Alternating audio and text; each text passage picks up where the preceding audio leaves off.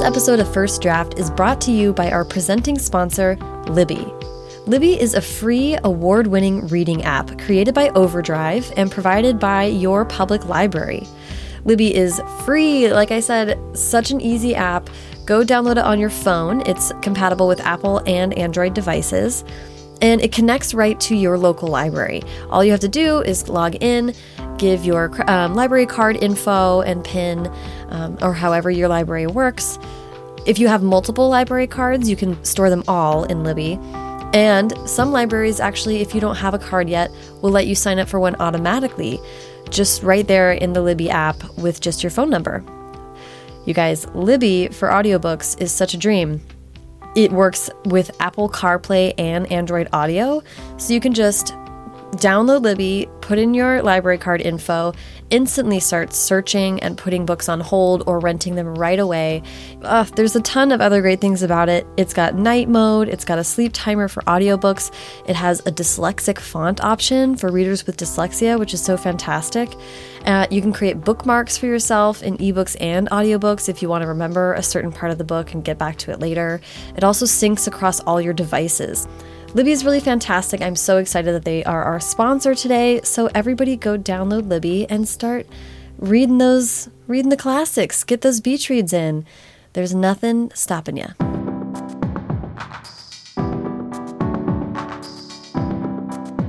Welcome to First Draft with me, Sarah Enni.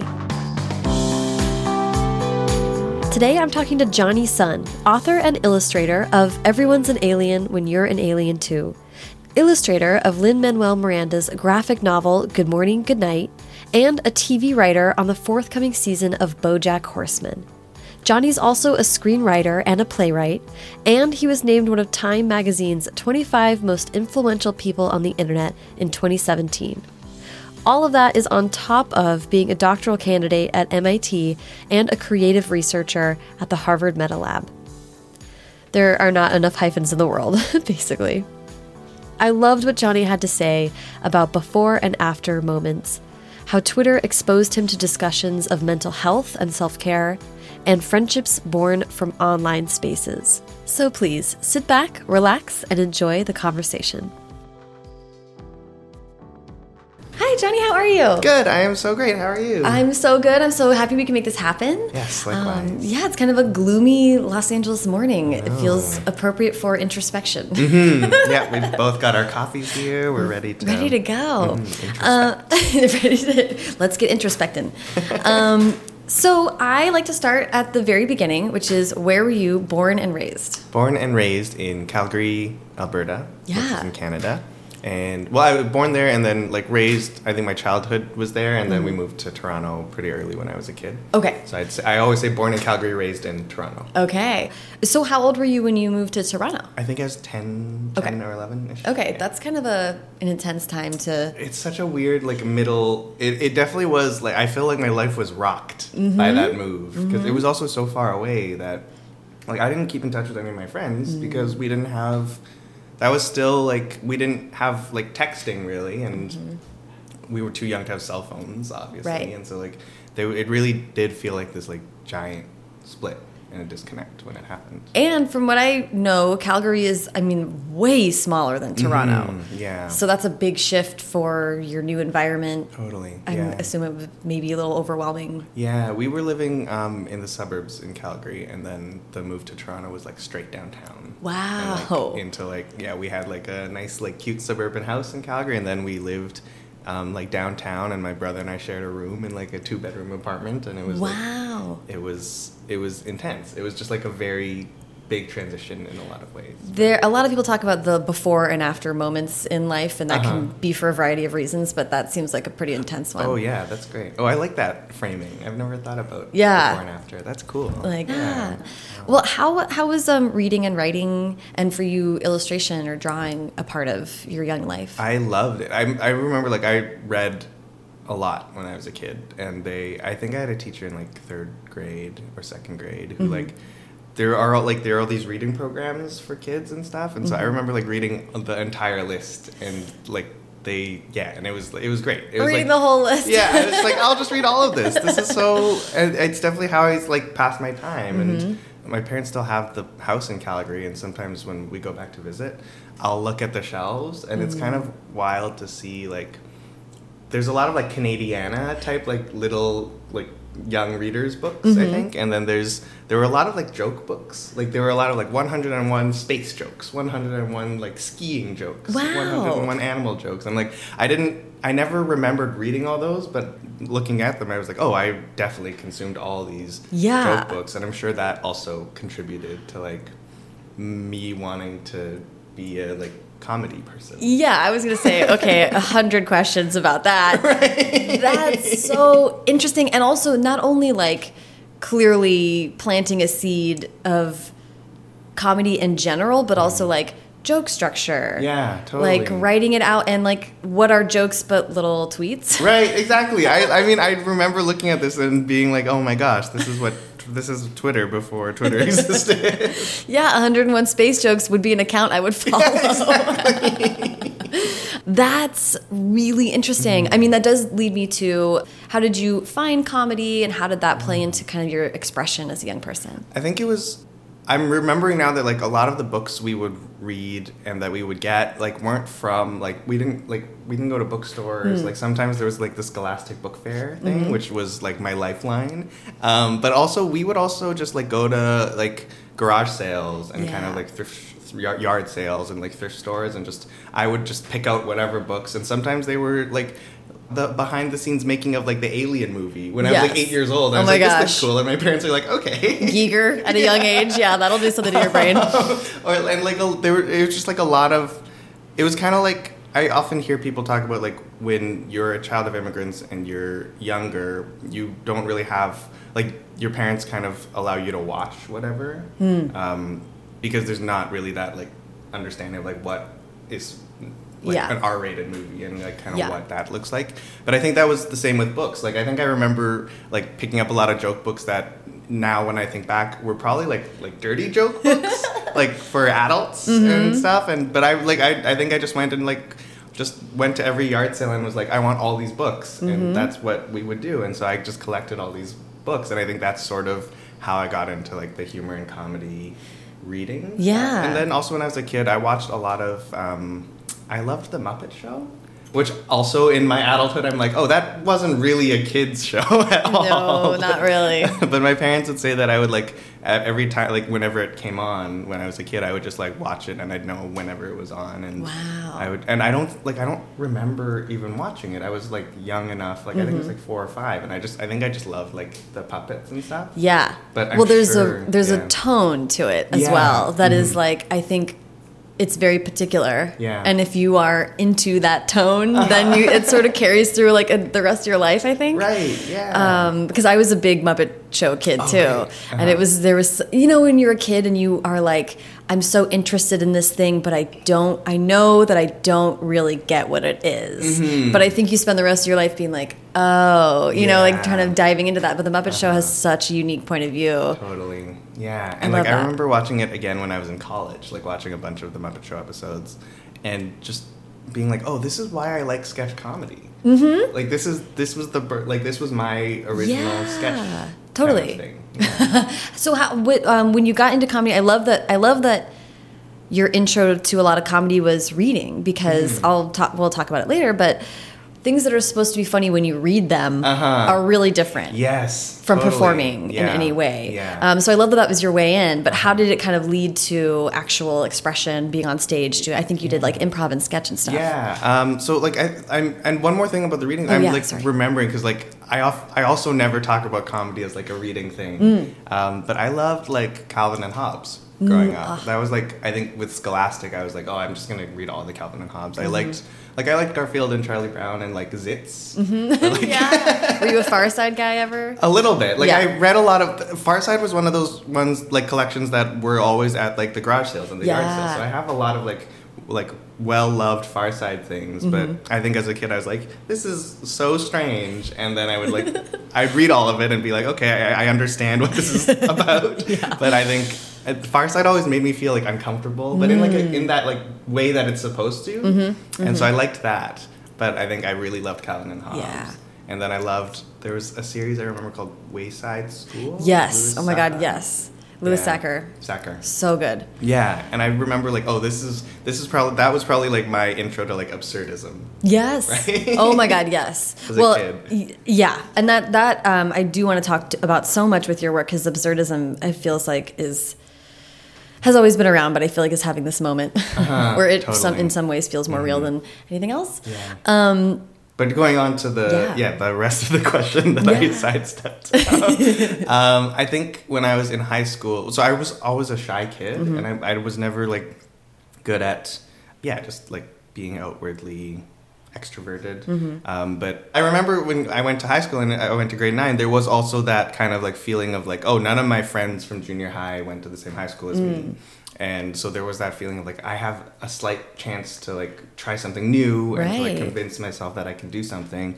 And I think because I always loved TV and like movies Mm-hmm. and film, like we like we would also watch another story of like inappropriate things to watch was like I remember like when I was like 10 we watched American Pie. Oh, wow, And yeah. I watched that with my family and like they loved it and I also loved it and like I guess Oh I like. I was like okay this is what this is That's but so I think funny. I was like yeah I, I think I just was exposed to a lot of just like comedy Mm-hmm. um, but then I wanted to sort of be an actor or kind of was interested in that world so I Mm-hmm. took drama and I remember signing up for drama because I took like I signed up for all the like maths and sciences and everything and then I was like I'm gonna I'm gonna pretend that I that I'm a drama kid.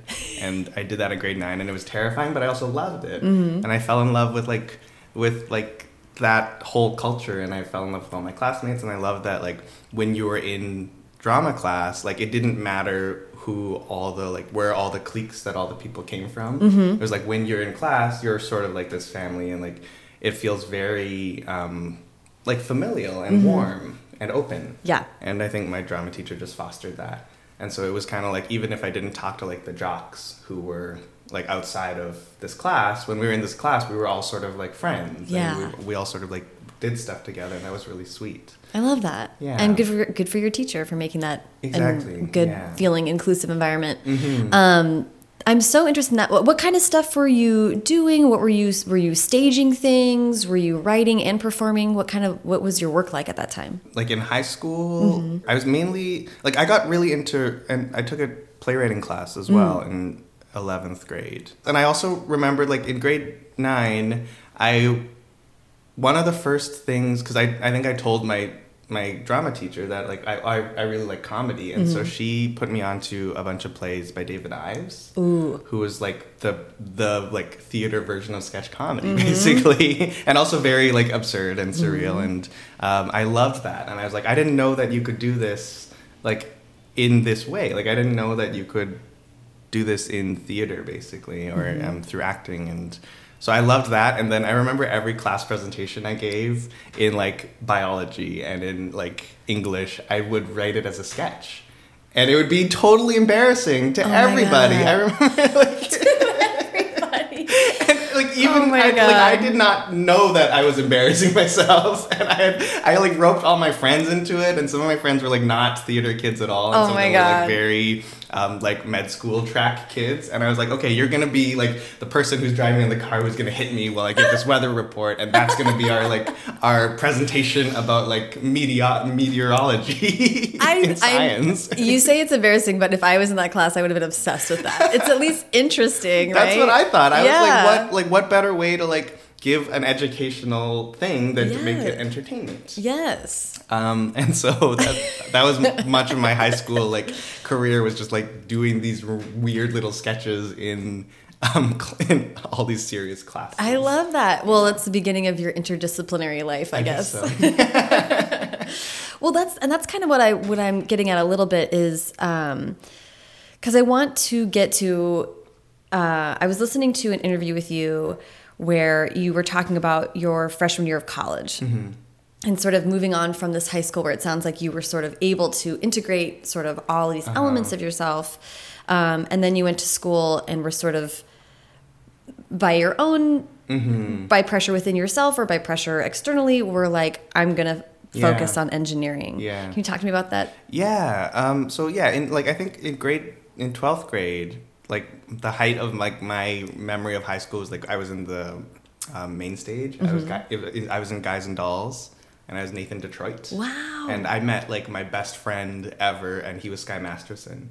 And like from that point on, we were like inseparable. And he became he went on to do like Second City, Yeah. the main stage, and kind of is super amazing. And he's in Come From Away now in Toronto. Amazing. Um, and so he like he he created a legitimate like very amazing acting and comedy career. Mm-hmm. And but we would like write sketches together, and we would kind of do that. And then I remember when I started university, um, that first year, I it just felt like oh now I'm now this is like serious. This is like the serious world, Mm-hmm. and like this is where. I have to like drop all the like silly nonsense Mm-hmm. and just focus on like this thing that is supposed to be my career. Mm-hmm. Um, and I think I like bought into that for like a month. And then I was like, oh, I do not, I do not like this at all. Well, really quick before we kind of dive more Uh-huh. into that, I, I, I'm interested in where you think that came from. Yeah. Do you think it was just your? I think it was a lot of it. I think was me, and then I think like part of it was the culture of engineering because there is, I think there is a culture that is a little bit harmful. That is is kind of like this is very hard, mm-hmm. and so you should work hard at it, and mm-hmm. like half of you will drop out. Um, and I mm. don't like that culture. Yeah, yeah, but I and I think I, the reason I don't like that is because I, I succumbed so much to it, mm-hmm. and it like it I worked myself sick like very literally, and it was not fun. And I like I remember having a conversation with my parents too, and I was trying to like choose between I like wanted to apply to like art like theater school for college, and I was kind of deciding between that and like engineering because I also really did enjoy math and science, and I liked a lot of that, um, like logical kind of. And engineering also was sort of like logic and creativity. hmm it's spatial in its own way. Yeah. Uh huh. And so, and my parents, their advice was sort of, their advice was like, well, the engineering degree is hard to get later, sort Mm-hmm. of, and that it might be a good basis to have. Mm. And I think they knew a lot of like artists and creatives who didn't have like the degree from like a creative Mm-hmm. field. And so I think their mentality was like, you can like do the arts Mm-hmm. as well or at a later point or you could find it again and then i also had a really great conversation with my drama teacher Mm. and she sort of her thing and like her advice was i think the best advice i ever got and that was a before and after kind of moment too. Um, i'm incorporating all these things. And I, her advice was like it's a it's a hard kind of life to like lead in the creative fields. And she had done it her whole life and she sort of said like if you can have a life and be happy not doing this you should go for it. Mm-hmm. Because if you can find happiness that would be very great. Mm-hmm. But if you aren't happy or if you keep finding yourself drawn to it that's just going to happen. And you're just going to like find yourself drawn to it in a way. Yeah. and so and she was like so the choice is sort of made up for you. Mm. Um, and i really i found that really empowering because i was like oh this like huge choice that i had in my head isn't really a choice. Like it's gonna Yeah. i'm gonna fall into it later if i need to um, and it turns out i did Yeah, I love that. I, Yeah. That's really good advice, and really also, I think that I agree with what you're saying. Like, it feels empowering to be like, you, you, you as your own self are somewhat inevitable, and you'll kind of yeah you'll make it happen. Like, if you're a creative person and you're repressing that creativity, like your body will, you know, like you just Yeah. won't, you'll erupt without it.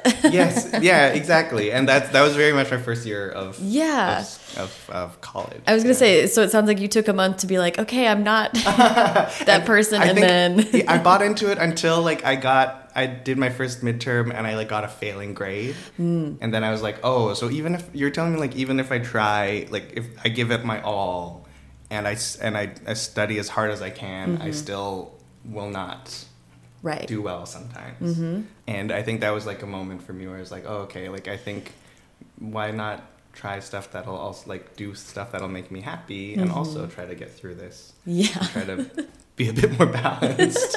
um, but I think that really helped. And so, like, the other thing is, in that first year, I auditioned for this sketch comedy show that the engineers put on, and I didn't get in. Oh, and so I was really? like, oh no, I, I, I can't do this. But then in my second year, I auditioned again and I got in. And that sort of became like the basis of like my family um, at in university. That's so cool. So it was a bunch of engineers that were doing sketch comedy. Yeah, and it, it's this great. It was this great production because it was because we were engineers. ev- like everyone was interested in like the backstage stuff and like all the tech and like how a show is run and so there were people who like were just interested in like lighting and were super huge like lighting geniuses and like people who are interested in like props and um and like the the ways you can rig up all the different like things for the sets. Um and like there were just like all these like spatial kind of engineering minded like very smart people doing all this tech stuff. And then there was like a handful of us who really loved like performing and perform and doing the comedy part and then a smaller handful of us who enjoyed writing. Yeah. um, so that sort of became my outlet for that. where, like, Yeah. I would I would write a lot, and I would kind of I remember like finishing my problem sets at like 3 a.m. and being like, oh great, now I have an hour to write the sketches that Oh I my wanted gosh. to write. Oh my gosh, that's so wild. And so that was sort of my, my life for a while. Like for all of college, for the rest of it, was just kind of doing school and making sure that I did well, but also Mm-hmm. finding time to to do this thing that I love. Yeah. it was, it was great. And I love that you once again found this place where like it's a flattening, you know, it's like everyone has all multiple levels of interests, right? That are like, okay, we're engineers, but can we do something else? Yeah. Uh-huh. uh, and integrate our skills in some i mean like i'm going to use the word interdisciplinary like too much in this yeah, uh-huh. conversation but it's fascinating to me so i love that you found that but i also i don't want to skip over the fact that um, in the um, this previous inter- interview you were talking about that first year of college as being difficult from a mental health standpoint Yeah. mhm. so I, I mean i'd love to hear i kind of think that these play into each other you're Right. addressing your own mental health and like discovering twitter and the internet like Yeah. how did all of that kind of come about Yeah. Um, yeah. That definitely that first year was really hard on my mental health. Um, I think like I learned to self soothe in a way because like the the creative outlet I turned to actually like during that first year was music, and I would play a lot kind of um, like in my room like after I got home from school and like into the night, and I think that mm. was a strange choice but it like i think you're i think you're right in the sense of like i needed to do something that wasn't just school. Mm-hmm. And i needed to feel like i was making something. And mm-hmm. like the, i love the I, I love playing music because it feels like you are just making something out of thin air. Totally. What, what's your instrument? Guitar. Ah, and i learned guitar too for like basically in i think in 12th grade. And like kind of that was all i would do when i would mm-hmm. get home um, and so i would like play and sing and kind of do that for a while like almost every night i think before i went to bed. I had also like gone through like a really bad breakup Oh, over the summer before college and so i think i was also bummed out about that. Um, but like all of those like signs like i wasn't able to sleep and i was deeply unhappy. And i think all those signs like i didn't have a label for that until much later. Mm-hmm. And i didn't know that was like to label that as like depression mm-hmm. until much later. And so for me it was kind of just like oh i'm like i'm in this weird funk for like a year. Right. And in my head, I was like, okay, I guess this is just like how everyone goes through life in a way. I guess this is where how I live now. Yeah. And I just like I I didn't really have an understanding of like what that what depression was and what anxiety was until like basically until like I was on Twitter a lot and there's that there was a weird link but like I I wasn't around people who were like talking about that openly and that conversation was so stigmatized and Yeah. still is I think in a lot of like in-person spaces Mm-hmm. um, but online I like found people talking about it openly and Mm-hmm. like talking about what their depression is and what their kind of anxiety looks like and I was like oh this feels like way too accurate to me and um, that's sort of how I started to understand what that meant Yeah, which is huge. yeah, and that was like five years after, like this first year of This college, moment. and so like I think I was just living in it and just like kind of going through it Yeah. without really. Having that. Yeah. I mean, it's so huge that you were that you were able to self-soothe. Like you were able to find the tools that worked for you anyway, but Yeah, but I like I wrote a lot of songs during that Mm-hmm. first year. I like would write. I had like have I have notebooks of like just these things that I would play and write, and I think Yeah. that was part of it. And Yeah. I was. I think if I go back, I'd be like, oh, I was just like doing therapy basically. yeah, totally. Yeah, talk therapy but singing. Yeah, exactly. which is very very valid um, oh that's so interesting i know the thought i'm like ooh, would you want to go back and play the songs again do you think that would feel good I don't know. I think I think at this point I'd be like, oh, this is really interesting and fascinating. Mm-hmm. Um, I recorded a few of them. I remember. Ooh. Um, I like learned. I like bought a little mic and like a little audio interface, and I plugged it into my laptop. And I, like, of course you figured out how did. You're an engineer. Yeah, you figured out the sound tech. and figured out how to like edit and mix and cut Yeah. and everything. Um, and I I still like those songs. Good, okay, But, good. Yeah, a lot of them were just about like sadness and heartbreak, and Mm-hmm. yeah, I don't know. I love that. Uh, I'm. I was talking to someone recently about going back and reading old diaries Mm-hmm. because I have all my old diaries, but like going back and reading them is really difficult, Mm-hmm. and I don't like it that much. But Uh-huh. it's also very. Uh, uh, it's interesting because I think about art as a as weird time travel in a lot of ways. Mm-hmm. Like musicians do put out work that is so important to them at that moment, and then like. You know, some artists are like still touring with stuff they wrote Yeah. so many years ago Uh-huh. and I, I think about like having to embody that old work especially when you're a performer Mm-hmm. Right. like live on stage in the moment you're like let's like get back into that frame of mind like that feels like so intense to me it sounds so. Yeah, it's so intense. I think like that just made me think of um, like Bruce Springsteen just had his like Broadway his Mm-hmm. one man show thing, and I listened to that, and I really liked how he talked about it because it feels like he was playing those old songs, Mm-hmm. but in he was I think I think his show sort of to me was about like how playing those became like an act of nostalgia and reliving it and kind of living in that memory as opposed to just Mm-hmm. Like playing them because they're hits. Like, right the right. act of doing that is about like getting into that past Yeah. and like reminiscing and thinking about that. oh i like that like Yeah. engaging with your past self rather than just being like here we go Right, yeah, exactly. because you want it. Uh-huh. uh oh, that's so interesting. And obviously, he's like, yeah, to watch him develop as an artist is really fascinating. Mm-hmm, Um, and try all these different methods and, and means of getting, Right. examining his own work. Yeah. I want to talk about.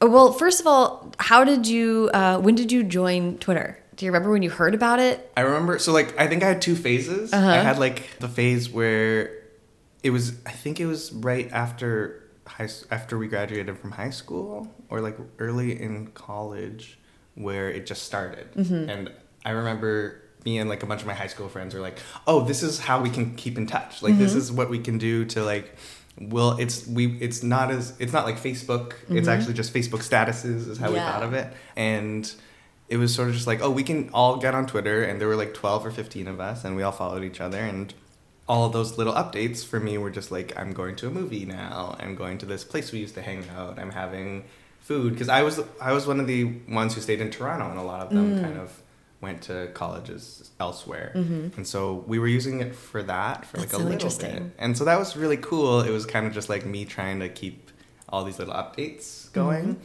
But I think slowly people sort of just like stopped using it. Mm-hmm. It stopped being interesting to them. And so like most of my friends from high school just kind of like, or they just didn't see the value of it or Mm-hmm. whatever. They just stopped. I stopped seeing them post as much. Mm-hmm. Um, but I think I got really excited about it and I started like writing little jokes and Mm-hmm. kind of like little fun thoughts. And I started following um, just like comedians and writers and creative people that Mm-hmm. I found on Twitter. And those were like, that was like the first wave of it where it's sort of like, oh, I'm just going to follow like funny people that I know who are like famous, Mm-hmm. basically. And I think for a while I was like, this is cool, but they're sort of just like, they're not that funny online, most of them. Mm-hmm. Right. And or Um, they're just promoting stuff or yeah. yeah, and it felt like, oh, I'm like that's not what I'm interested in. And eventually, I sort of like found people who were not famous and who were sort of just like writers and um, or just like on Twitter for the same reason I was, which was just like tell a few jokes and kind of like hang out. Mm-hmm. So I think I found a lot of those types of people. Yeah. And then so like and that was like flash forward. That took a while, but then like flash forward to like grad school. So like 4 years later basically. And then I started really getting into like whatever like quote weird Twitter was Mm-hmm.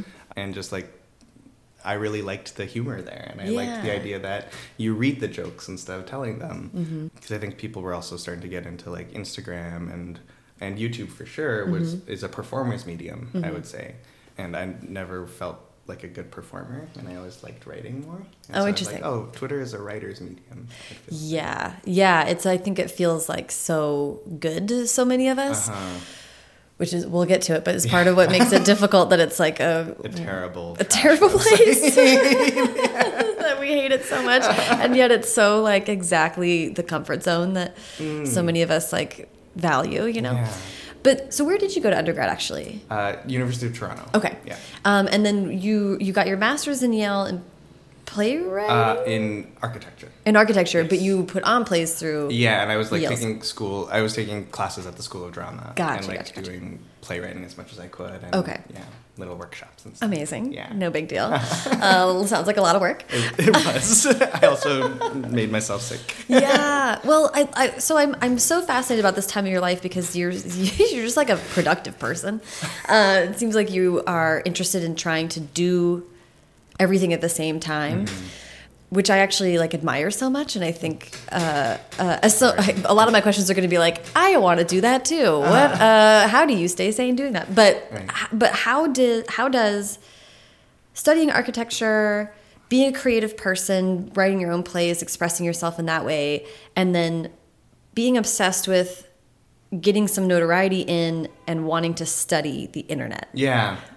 That's All like, of that, right? like maybe seven years of your life. I'm like, but how did all those things kind of interplay for you? Yeah, I think a lot of it, like now that we're talking about like that self-soothing thing, Mm-hmm. I think a lot of it comes from that. Where, like, I think when so engineering school, I was like, it was very difficult. It wasn't entirely like fulfilling Mm. to me, um, and it was also just very hard and hard on my mental health. And so like, so the self-soothing thing kicked in, Mm-hmm. and then I found like my sketch comedy people, and that was the self-soothing thing for a while. And then Mm-hmm. in architecture school, I thought like, oh, okay, I'm now I found like this one field that's gonna make me happy because it's kind of like engineering. There's a lot of technical stuff. There's a lot of like math or like like logic rigorous kind of stuff, and then it's also creative. And so I was like, oh, this is perfect. This is like the one thing that'll make me happy. Mm-hmm. Um, so I did that, and then I think I soon, I quickly was like, oh, this also isn't completely fulfilling me. Mm-hmm. And so I turned, I started like using Twitter then because like the architecture school schedule, if possible, is like more grueling than the engineering school schedule. Wow. I always think like engineering, you work hard and you work into the night, but like there's answers that you'll get to. Hmm. Like once you find the solution, you can stop. But architecture school is like you have this building that you have to design and you can keep tweaking it forever. Like there's and no one there's no right answer. There's no like final solution. You That's that's what makes it like art, Yeah, but exactly. at the same time. But yeah. every tweak takes like three hours to like to figure out, and then you then you have to like make a model, and it it yeah it just is it was a lot. Yeah. But I would turn to Twitter because I was like, okay, I need a break from this. So I'm gonna like write a few dumb jokes Mm-hmm. online and then get back to this architecture stuff. And so that was sort of like the the self soothing thing as well. Yeah. Um, and then with writing plays and kind of taking playwriting stuff, I think I just very quickly was like, oh, I think architecture culture is not for me entirely. Really? Yeah, yeah, so yeah. I think I needed like a little bit of a separation from that too. Was it because you were able to dip back into this sort of like advanced, like your high school world, I think so. checking back in with that? Yeah, I think it was, and I think like because I was writing ske- when so when I was writing sketches um, with the engineering group, Mm-hmm. I also started writing longer and longer sketches, and then Mm-hmm. eventually like one of those sketches turned into a play. I was gonna say like Jonny, a sketch is not twenty seven minutes. Or whatever. but like one sketch really started out as a sketch. It was about like two people trapped at like a dead end hallway where a mm-hmm. zombie was on the other side. Mm. And I was like, oh, that's like a fun five minute sketch. And I kept writing and it turned into just like this longer and longer conversation. And I was like, mm-hmm. oh, this can go in so many ways. And I kept working on it. And that became like my first play that I wrote. And that was an hour long kind of one act. And I put it on with like another drama group in college. Um, but then like later on, I like dug that up and I put it on in Toronto in like a real theater and stuff. Awesome. But like so, I think that was my sort of like, oh, I think I think this is a play, but I've never taken like official like drama classes, so I don't know if it's play. And so mm-hmm. I I think I got interested in that. Mm-hmm. I was like, oh, if I'm at the like at Yale, I'm gonna try to do as many School of Drama things Yeah. as possible. you have the Yale Drama School right there. Right, yeah. you might as well. Uh-huh. And so I took, I think, I, I so I took a bunch of kind of playwriting classes when I could, and some musical theater classes as well, like nice. just for songwriting and lyric writing. cool. Um, I was like, I have to, like, I have, if I'm this close to this, I have to do it. And Yeah. I, like I have to find a way to do it. So. Yeah, and good for you. I mean, it's it's funny. I relate to this a lot, but the like solution to de-stress from your hard work is to find more work. you know, you're not talking about like taking long walks. Like this is other like really intense, grueling stuff. Right. But um, really like, soul filling. Yeah. So so I love that Twitter was kind of this like it, kind of maybe running in the background a little bit, stress relief kind of Uh-huh. Thing. When did it start to take on a bigger uh, part of your life? I think for a while it was just like, oh, I'm I'm on here. I'll like goof off and Mm-hmm. kind of like make friends and talk to people that I think are interesting and kind of be part of this. And I did that all through architecture school. And I think by the time I got out of architecture school, I think I like kind of woke up realizing like, oh, like a bunch of people followed me.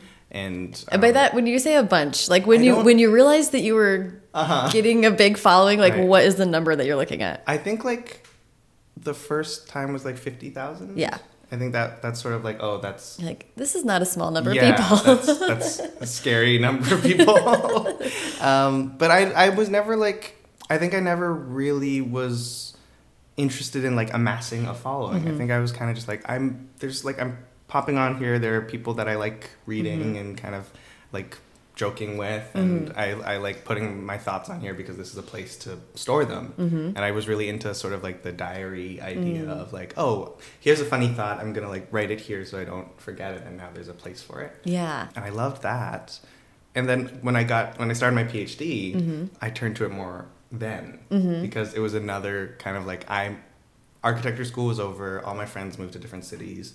I moved to Cambridge, Mm-hmm. and none of my friends did. And so, but I was like, oh, my internet friends are sort of still with me. They're still in here. Mm-hmm. my pocket. Um, and I turned to that, and then I think there was a lot. There were a lot of things that happened in like quick succession. I think it was that. I also thought the PhD would be like the thing where I would find the one field that would make me happy, um, and the one focus. And it turns out that that wasn't it either. Yeah. And so I was like, oh, okay, I'll like just I'll like being on Twitter and writing and like kind of like talking to people makes me happy, so I'll do that more. Um, and I was doing that, and then the election happened, and then I turned to Twitter more and more because of that. Um, just because it felt like I don't know why, but like, were you? Did you turn to it too? Y- yes and no. I fully shifted how I was on Twitter. Like Uh-huh. I did after the election, I sort of was like, okay, I need to follow like the news Yeah. more. I Yeah. did I did this huge purge of like even like writers that I'd known and loved, and Sure. was just like, no, I need to follow like. Uh, whatever the staff of the Jake Tapper show, Right. like you know, like my whole life needs to be this, and then it then about a year after that, I was like, oh my god, like I've created this environment where I can't relax on this platform Mm-hmm. anymore. So it's uh, so it's interesting. I've I've deconstructed and reconstructed it Right. to better serve me over time. Right. But I certainly was on there obsessively scrolling, scrolling, scrolling, like Yeah. feeling no relief Yeah. for a long time. and that's sort of yeah that's that was my feeling too Mm-hmm. but i think i also i don't know i found like i was i found like tr- i felt trapped on it sort of like you're the endless like Mm. Yes. oh if i'm more informed i'll Right. somehow know how the answer everything i right? found myself getting to the bottom of it when it's like doing the quick whoop, like Yeah, and and being like and and recognizing i had the feeling of oh maybe this new screen will have it. Mm-hmm. And i was like i don't know what it is. yeah exactly. Like that was a very strange thing to realize like i'm searching and i don't even know for what. Uh-huh. And i think that means i'm not going to find right it yeah. And i think i think that was a lot of it. And i think i just but i also at the same time was like oh i'm gonna just like i found like it was a good place to continue to like just write what i was feeling Yeah, and I, mean, I think the difference with with our experience of, of Twitter is that you sort of were already cultivating a voice on there. Mm-hmm. And that was like a primary medium for you to like communicate with these people. Yeah, mm-hmm. And I was sort of it, it didn't exist in that way for me. So Mm-hmm. I don't think putting things out on Twitter felt like I was building something. Yeah, Mm-hmm. It seems like maybe you were able to sort of like i think i think so and i think i was just like i was feeling so overwhelmed and like sad all the time and i think by sharing that i think there were many people online who were feeling that at the Yeah. same time, and I think it, it felt like it made me feel less lonely. Like Mm-hmm. it made me feel less like I was going through this by myself. Mm-hmm. And when I did that, and like other people also were like, "Oh, I feel that way too," Mm-hmm. it made me be like, "Oh, okay, there's." There's like a little sen- semblance of like a community or Yeah. something. You were also Yeah. providing like counter programming. Yeah, a little bit. You know what I mean? Like, I think I went right into it and was like, I need to retweet the news. And I think Mm-hmm. what you did very intelligently was talk about, like, well, th- all of these things are happening, but how are we feeling about it? Mm-hmm. Yeah. I think that your sphere of Twitter was interested in addressing Uh-huh. that. And I think that was really wise. And a lot of us, I think, like, finally, like, turned back to that. We're like, oh my gosh, yeah. Uh-huh. We do all feel so alone. Like, how can we address what we're collectively feeling in addition to what's collectively like happening to us? Right. yeah. So, And yeah, I think that definitely is right. And I think I also, at that point, I was starting to realize like more and more that like, oh, there are people, enough people following me that like, it almost feels like there's a responsibility to to that. And so I was kind of writing and tweeting my own kind of thing that I liked doing, but I, at the mm-hmm. same time, I was also like, okay, now this is my chance to like retweet other people and to signal boost mm-hmm. um, like activists and marginalized voices and mm-hmm. people of color and trans artists and like all that stuff. And so like i think i became much more conscious and aware of doing that. And i think i don't know i just i that feels cool. That Yeah. feels nice. Yeah. How does this? Okay, a few questions right in a row. First of all, when you went to PhD, Mm-hmm. what was that program that you were? so the phd is in the department of urban studies and planning And this is at MIT, right? At MIT. Okay. Yeah. Oh yeah. Sorry, I didn't provide context. That's okay, that at that's all. okay. Um, and I, I, I really thought that my the program and sort of the focus that I got in for was um, like data driven urban design. Mm-hmm.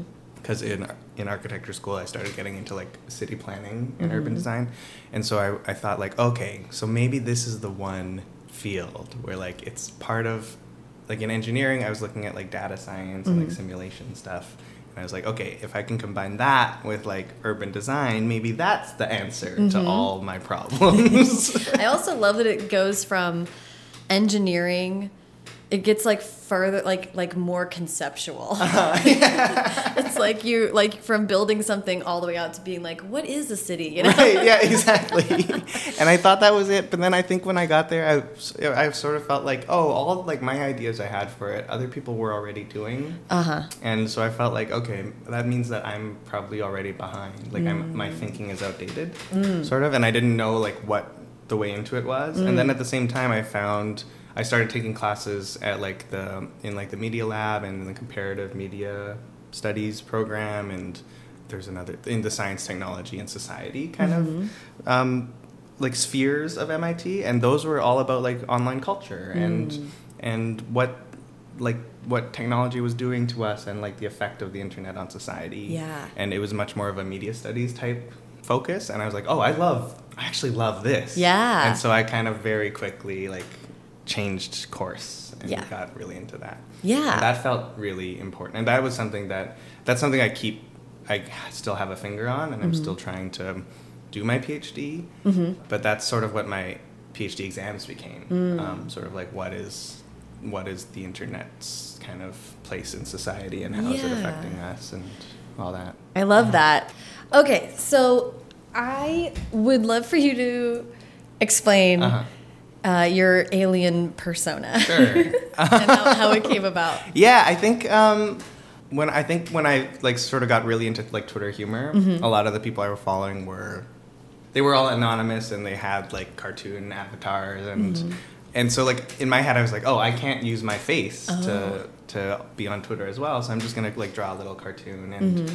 I just like really quickly sketched out like this like little alien face and used that. Mm-hmm. And so I like it never I never thought about like oh I'm tweeting specifically as an alien character. I Mm-hmm. sort of was like oh this was just like the placeholder kind of anonymous avatar that Yeah. everyone else is using. Kind of like a veil, a, th- a thin veil. Exactly, yeah. And so it always felt to me like I was just tweeting as myself. Mm-hmm.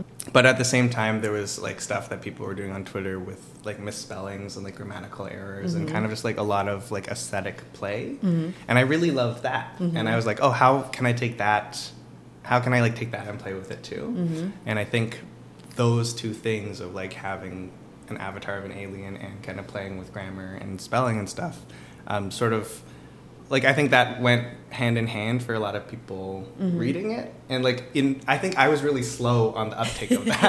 I think it took me a, it took me years to be like, oh, okay, that's why these two things work together. Because in my head, I was sort of just like, I'm just like if I could tell these jokes as me and still play with like grammar and spelling and all this aesthetic stuff, I would do that. Mm-hmm. Um, but I think because of the community that was telling these types of jokes and Yeah. like was interested in this, it sort of just like worked like in a weird organic way. Yeah. And then eventually I was like, oh, okay, this is something. Yeah, yeah, yeah. This is something. I love Uh-huh. that. And I've heard you in interviews say that to some degree having like an alien or like you always have felt maybe like a little bit of an outsider Yeah. perspective as an Mhm. Asian Ca- Canadian Yeah. and Asian representation in media or lack Yeah. thereof. Mhm. So having this sort of like alien avatar as an out as like a Yeah. Uh-huh. conduit for an outsider Right. is so useful. How did does how does that interplay? Mm-hmm. yeah you? i think like i think that that too was something i was a little slow on the uptake for because i think like my i like i realized the stuff like the type of humor i cared a lot about was Mm-hmm. um, sort of from like the perspective of the outside looking in Mm-hmm. and because that's just how i've always felt with my life like i've always felt like as i've always felt like an outsider and Mm-hmm. so i think a, a lot of my humor would reflect that and so yeah i think for the longest time i was just like writing in that and kind of like figuring out what my voice and my perspective was in that.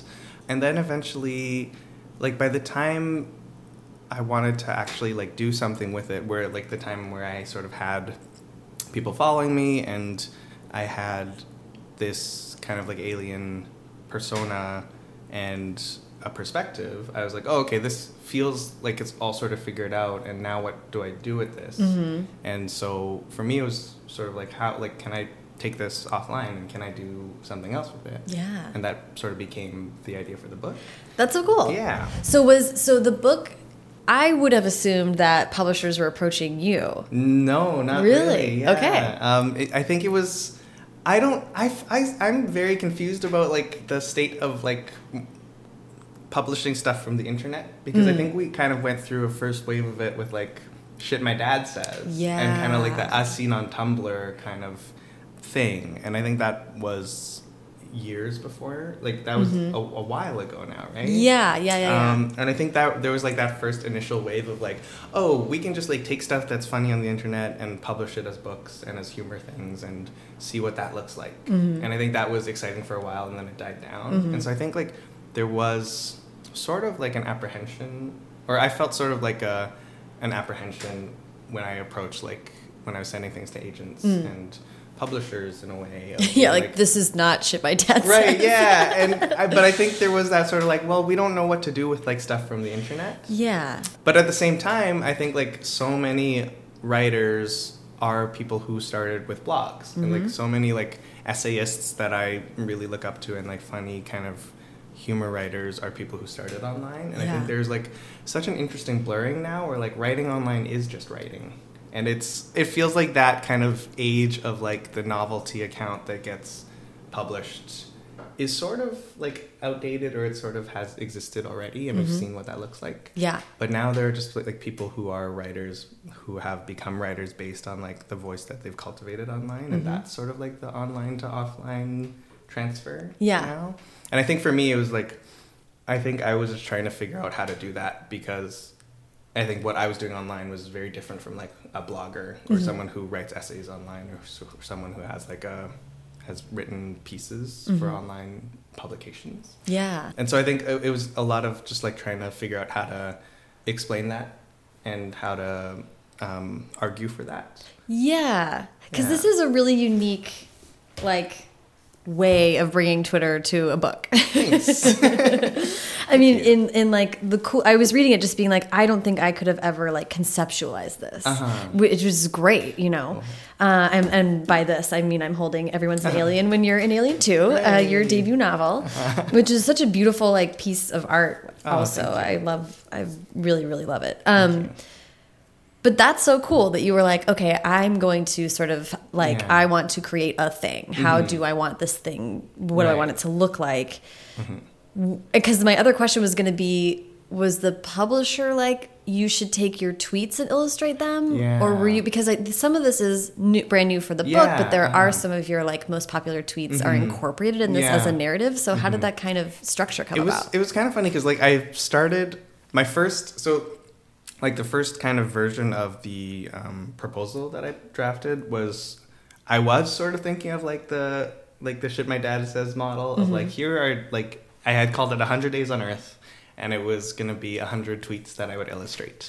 And I think the more I talked to people the more I got sort of that pushback of like I don't know if this will if this is like interesting for people anymore and this feels like played out and um, that sort of like caused me to go back in and think like okay I it makes sense and like I don't think that doing the sort of as seen online thing makes that much sense Mm-hmm. um, and so I really thought of like how would I approach this as a book for people who like don't know me on the internet and who have no and to make it not be an un, as seen on as seen online kind of thing Right. um, and so like I think I went back and I like sort of just thought more about what I wanted to do with the book and how to tell that story. And um, I think for me, the the play in it was like my kind of like meta idea was how do I take like the experience of being online and translate it to a book without saying this is like a book about the internet. or Yeah. the internet. I've heard you describe this before, and I'm obsessed with it. Uh-huh. that you're that you're sort of messing with narrative structure Yeah. in this way. That Yeah. you that you sort of like the structure of this book because it is because it is a lot of different narratives, all crashing into each other Mm-hmm. and happening at the same time and and disparate and Yeah. like it's real life. Mm-hmm. It's the internet, but it's also Mm-hmm. Yeah. like real life. Totally. Yeah. What was it like?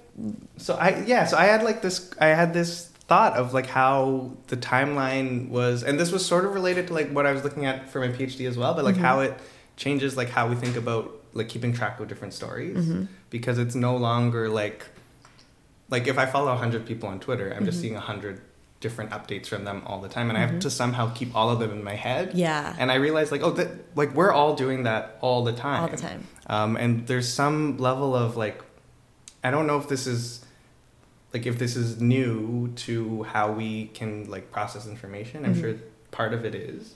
But I, I I've realized like, oh, if I'm on Twitter, if I see an update from someone, I'm like, okay, I remember that like this is sort of who they are, this is their story, this is like what their voices and what they're ta- what they've talked about and you can hold like 200 or 300 or like a thousand people in Yeah. your head that way and that's Yeah. I, that's so fascinating to me and so i thought okay if i'm doing a book that sort of feels like um, calvin and hobbes or sort of feels like winnie the pooh Mm-hmm. how do you do that but in a in a way that like speaks to like that that narrative structure of like how we've learned to read stories online Yeah. and so for me, that was like, okay, if I take Winnie the Pooh and I like, instead of breaking it up of like Pooh and Eeyore for one chapter and then Pooh and Owl for another chapter and Pooh and Piglet for another chapter, what if you take like all those chapters and like, s- like mash them into each other and mm-hmm. get all those updates?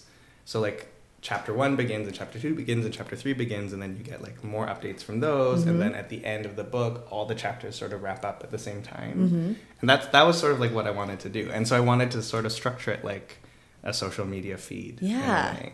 I love that. thanks how and, and I think it really works and I think that if you are someone who has been on the internet like like I had no problem following what it whatsoever. Great, yeah. So then when I read you talking about it I was like, "Oh yeah, That's- it was like that." that's great that's like exactly what i what i wanted like Yeah. and i think i think there's precedent for it too like i think in like in calvin and hobbes and in like all the Mm. in sort of like the way that comics tell stories a It's lot true. of that is like these little updates and you're kind of like oh i know linus is about this Right. and like linus loves his blanket and like so every time you see linus and you see a linus story you're like okay this sort of like follows my entire like like 10 year understanding of like what linus is as a Yeah. character That's so true. Comics are and and those are like we're talking about comic strips, which Yeah. is true for that. And then I think part of my stumbling block of like comic books Uh-huh. has been that they sort of do that too, but they Uh-huh. are all they're so like I feel like comic book people are living in like four dimensions. Uh-huh. I, f- I find it difficult to approach because they're like, well, this I like this version of this character. That I mean, like their characters exist Right. ten different ways all at the same time. Like, yeah uh-huh It's There's so much amazing to me. to, hold yeah, it's incredible to me, but it's very intimidating. But but it is like I love that there all of these things are like challenging the structures and how we Right. interpret the kind of stories we want to hear. Or, Totally. Yeah. I Um, think that's that's such an interesting observation. I never thought about it before like that. That we're now like social media has turned us all into like comic book minded people. yeah, Yeah. everything's happening all at the same time, and Mhm. and um, you know, people that have been following you for years could be like, well, that, you know, like you you exist, and again, this is me talking about the time travel thing because it just preoccupies my mind. But like, you exist for someone discovering your feed at the same time when you started as now. Yeah, you know what I mean. uh-huh, someone could go back, like a deep like, you Yeah, know, exactly. reveals that people are Uh-huh. still engaging with Right. you many years ago, and Uh-huh. and also still are going to watch like your upcoming TED talk or whatever. Right, sure. All yeah. those things. Yeah, that was some that was one of my PhD exam questions was like the idea of like how do you deal with or like what is what is the phenomenon of like social media being something where you're present in real time but you're also creating an archive of yourself? Mm-hmm. and like what does that do? And i think there are a lot of bad things that happen. Like it's it's such a weird like dichotomy where when i'm on twitter i think like oh when i post this I, it's just for people to read in real time now that i get to connect to. Mm-hmm. but then you're right like, it, it, it extends People are living back there, right? like And- people are people are scrolling, which is really interesting. And like we've always kept diaries and been Right. archivists of our own lives, but Right. they've largely been private. So now it's just the fact that anyone could read your diary. right exactly So, um, I want to talk about illustrating this book because it seems like it was a tough time for you. you said in, in an interview that you, like pre Twitter, that you wanted to sort of be an illustrator. Like Mm-hmm. Yeah. that was a big thing you wanted to do. Mm-hmm. How did deciding to illustrate this book come about? That's and like, yeah, tell me that, and then we'll address how it was. Yeah, I think like I all like the first like thing I ever remember drawing was like my mom when I was like a really young kid. She was like, "You should." I when I was reading kids books, she was like, Mm-hmm. "You should draw a kids book," and I was like, "Okay." And it was about like a kid who like went into shape world and became a shape, and then had to like make friends. I think I I think that's all I remember. About I love it that. um, but I was like really into shapes at the time, and so I was like, okay, I'll draw shapes.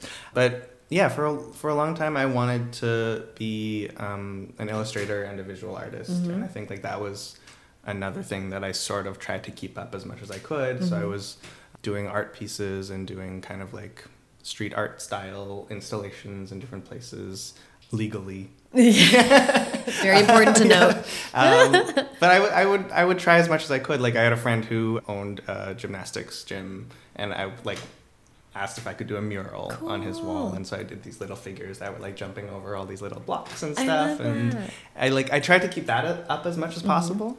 Um, and then for a while, I got really into like just web comics and web comic artists, Mm-hmm. um, like Perry Bible Fellowship. I'm not sure if you know them. I don't know that one. They're great. Okay. he's phenomenal. and I do show notes, so I'll link to all the stuff. Oh, too. cool, great, Yeah. excellent. Um, and so like for a while, I was like, oh, okay, it feels to me like the natural step of like having a Twitter account where I can post all these jokes and also being interested in illustration. Mm-hmm. The natural thing would be to do a webcomic. Mm-hmm. And for a while, I was like, I think I have a journal full of like different webcomic ideas, Ooh. and that's sort of where like the 100 Days on Earth like illustrated tweets Yeah. came from, because I think I realized very quickly like I don't have a schedule where I can do this every Monday, Wednesday, and Friday Yeah. regularly. Right. And I applaud like all the web artists who can because that is a very grueling schedule. Mm-hmm. And I just I did not have like the I don't have like I think the ability to schedule myself Mm. and the like capacity in my life to do that. It's a lot. yeah. Yeah. Um so I I couldn't do that, but I think I always kept that in my head.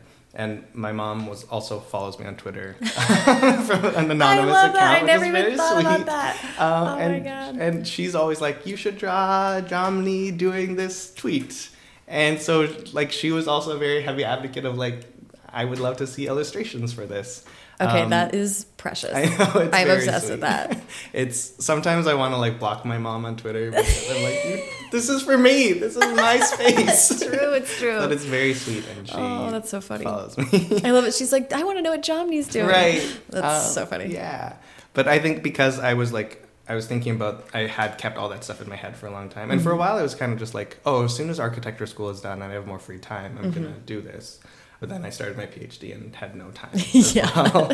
um, but then I think doing the book was sort of my like way of forcing myself to make this happen. Mm-hmm. Um, and like once I sold the book, I was like, oh, now I have to live up to this proposal of illustrating an entire book. and, Yeah. uh, writing this story and figuring it out. Because this is like, what are we talking here? 300 something pages? Yeah. 300 pages. Like really intricate. Did you also, did you illustrate? I'm sorry, uh, I'm sorry, listener. I'm flipping to great. the book to show him a visual.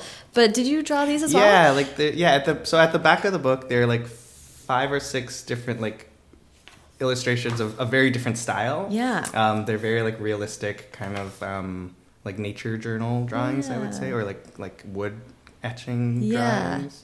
So I did those too. Yeah. They're beautiful. Thanks. Yeah, it was fun to flip to the end and be like, oh, you can do other stuff too.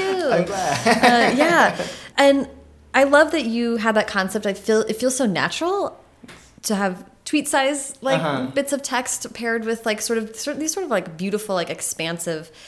By by being minimalist, your illustrations sort of hint at a bigger world. I think, which is a really cool um, visual trick for this particular project. Uh-huh. Yeah. Um, but I want to hear you talk about how that went because Sure. that these are oh, there's like 300 pages of illustrating. yeah. That's a lot. It was a lot, and like I'm, I'm not like this was sort of my first big illustration project, Mm-hmm. and so I'm like I had done a lot of architectural drawing by Mm. hand, and that was like my other sort of tr- like way into this Mm-hmm. of like understanding how to do that, which was great, but a very different type of project. Mm. But I sort of tried to like. I'm trying to think of where to start. With the style, I it really was about like trying to make it minimalist. I'm glad that that reads Yeah. because I was thinking like, oh, if I'm telling, I'm trying to tell the story in as sparse, as sparsely as possible. I want the illustrations to match that. Mm-hmm. But it took a long time for me to like figure out what that style was and how how sparse to go and how Mm. sparse was too sparse. Mm-hmm. Because there was a version of it where they were all just like small sort of icons, Oh, interesting. and that was too sparse, I Mhm. think. And so I, I liked the version that it like settled on. Mm-hmm. But because I think I have not been experienced as an illustrator that much beforehand, it took a long time for me to do each of these drawings, Mm-hmm. um, and I did it all by hand. Um, and so like I, I wanted to like try to live like a life as like a throwback like comic strip illustrator, Mhm. and so I looked at how they used to do it, Mm-hmm. and it was in it was kind of like this arduous process of like and i think comic illustrators still do this um, but they kind of sketch out everything in like a blue pencil 1st Mm-hmm. and then they'll kind of scan it and go over it and ink it and so i like i did all that so i still ha- i have all these like like draft versions that are all like kind of blue pencil like, sort of more intricate versions that So i went over and i Made it a lot harder for yourself. I, I think I did, yeah. um, That's intense. but it was fun. Like for me, it was just like that. That why not do it that way, and why Yeah. not like have fun with it? But it took way longer than I expected. Yeah, and and you've talked in articles about that period of time, like Mm-hmm. it being hard. You tore your shoulder. Yeah, I was. This started as like a self-soothing thing to like get me through my first few years of my PhD, Mm-hmm. and then when I actually had to do the book, it became like the primary focus, and Mm-hmm. I kind of was trying to balance illustrating and writing this book while also taking classes and Mm-hmm. preparing for my exams, and eventually I sort of had to like pause my exam stuff and my PhD stuff because the deadline for the book was coming up. Mm. And so I ended up getting to the point where I was illustrating like I would wake up and I'd like in the morning I'd start and I'd stop once it got late into the night. Wow. And I think part of that is just because like I'm inexperienced as an artist, Mm. um, but I think a lot of it was just like I didn't know how else to do this, Mm. and it was winter and I was like in a very kind of like cold little apartment in Cambridge, and I at some point I was doing it. I was illustrating for the whole day, and I had it was cold, and I was just like tensed up, and I like stretched, and it, I kind of like tore all along my like shoulder blade, um, and it sucked, and like Yeah. and I had to call my editor, and I was like, I I think I like badly tore my shoulder, and I have to slow down on illustrating Yeah. and it was i think i was like halfway through the book and i so it, it i that slowed down for a while and i had to kind of take a more deliberate pace with it but Yeah, and I mean, you talked about this being like a like a stressful time Yeah, for you too, uh-huh. and maybe a anxious time. yeah absolutely i i think like because of school, I've sort of like learned or thought about projects as like, oh, these are things that I should I can put off, and then like in like a week of like intense Cram. work, I can get them done.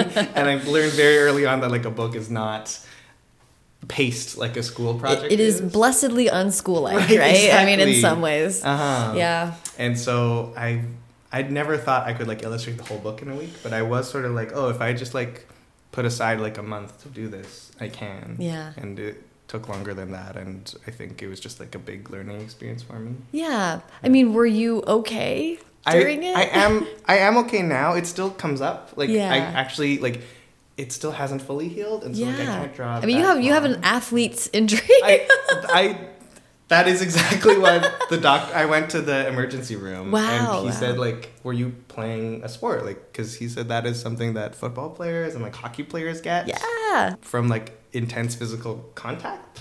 Um, but I was like, no, I was just kind No. of drawing. I stretched, and it was bad.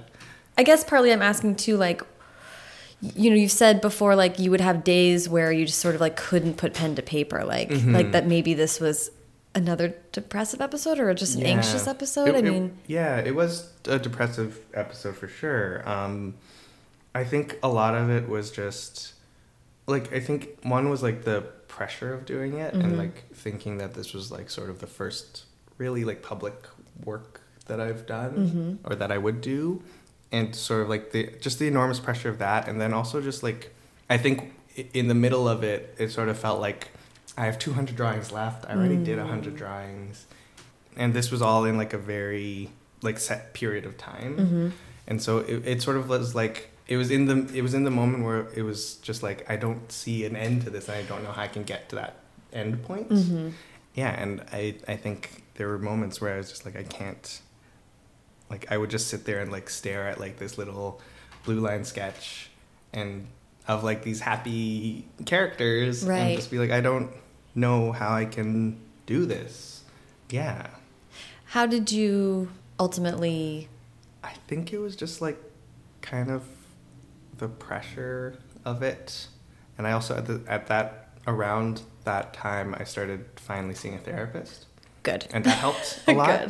Um, that was also something like I learned or like I was educated on through Twitter Mm-hmm. of people talking about their therapists and me being like maybe that is something I should do. Yeah. Um, I I'm really glad to hear you say that, and I'm also like on this podcast, I and in real life, I I do not ever shut up about my therapist. I'm Uh-huh. Yeah. like always because I would rather be like, well, in therapy the, the other day I was talking about this. Right, I'm like, yeah. what to whatever degree I can help destigmatize it. Mm-hmm. Even though I think in our community it's like largely been destigmatized, Right. but it's still worth saying like, no, I'm still actively seeing someone. Yeah, I, and like to this day, I talk to my Yeah. therapist every week, and Every it's, week. it's the best. And Yeah. I find when I don't talk to him for a week, I will start to spiral, and all the stuff that like I keep in check, Mm-hmm. Yeah. starts to really get out of hand. it's like, oh, I, I'm going for a reason. Like this Yeah. Mm-hmm. is still ex- extremely important for the balance of all the things. right. Yeah. And so I think once, like the first time I kind of met with my therapist, I like got out of the like appointment and I just started crying, Yeah. and I was like, oh, I like didn't know what it felt like to talk about this stuff out loud, and it was like that feeling like holding all of it in. yes. And a lot of it i think was related just to like the pressure of trying to do this phd and the pressure trying to do this book Mm-hmm. and all of that and so therapy definitely helped Yeah. I mean, this book is also about existential stuff. Mm-hmm. Yeah. Uh-huh. And so was your so is a lot of your Twitter and a lot of your comedy is sort of rooted in like we're all dying. and what do we do with that? Uh-huh. So I can imagine being like so immersed in this project and so Mm-hmm. dealing with all the different levels of like dread or happiness or what is happiness or what mm-hmm. is anxiety. I mean, like that when you're immersed in those conversations, like that's a lot. and i think a lot of it was like i i think i didn't know a lot of like authors at that point Yeah. and i was very new like very kind of foreign to like the book world and so i was going through that feeling of like is this just a like a really stupid idea Like, Yeah, yeah, why yeah. am i putting off like why am i spending like a year on this project and, Right. putting everything off on like this dumb book of drawings and like I, like I I really I just got to that point Yeah. of like I and I think every author goes through that but I w- I feel like I was in a place where like the only friends I had were through like school and Mm-hmm. so they were all doing their PhDs and kind of like working towards that and like writing and reading and working on their exams and doing dissertation stuff. And I was like, I can't do that. I have to go draw right like these right. like a, a happy hedgehog for a while. And so the, and so there was a lot of sort of like I don't like I'm sure part of it was real and a lot of it was just imagined, but I think Yeah. I thought everyone thought I was an idiot for Right. sort of like wanting to do this. right And so there was like a lot of pressure from everywhere. Mm-hmm. Um, yeah, and so it was just kind of like, yeah, there were so many moments where I was just like, I was just staring at the drawings and being like, what is this? Like, why am I doing this? And I didn't know how to kind of. That is on. that's very relatable cool. like hardcore Uh-huh. uh, um, especially i come from the world of um, writing for kids and teens Uh-huh. and there's a lot of sort of like even within author world there's sort of a dismissive attitude towards like writing for teens Yeah. and stuff like that which Uh-huh. like you know hopefully we're all like getting over that but Mm-hmm. but that exists but i love i mean i love i think it's so fascinating that like you commit yourself to a project born of the world that you were studying Yeah. I mean like in some Uh-huh. ways it's so valid like it's hy- Right, yeah. hyper valid in the world that you were in but at the same time of course it's more complicated than I'm that so yeah, and I'm so glad that like you said that because like that was sort of like when I started thinking about it, I was like, oh, this is this brings a lot of stuff together, and then when you're in it, you're just like, I don't this like this Mm-hmm. What am I doing? Yeah, exactly.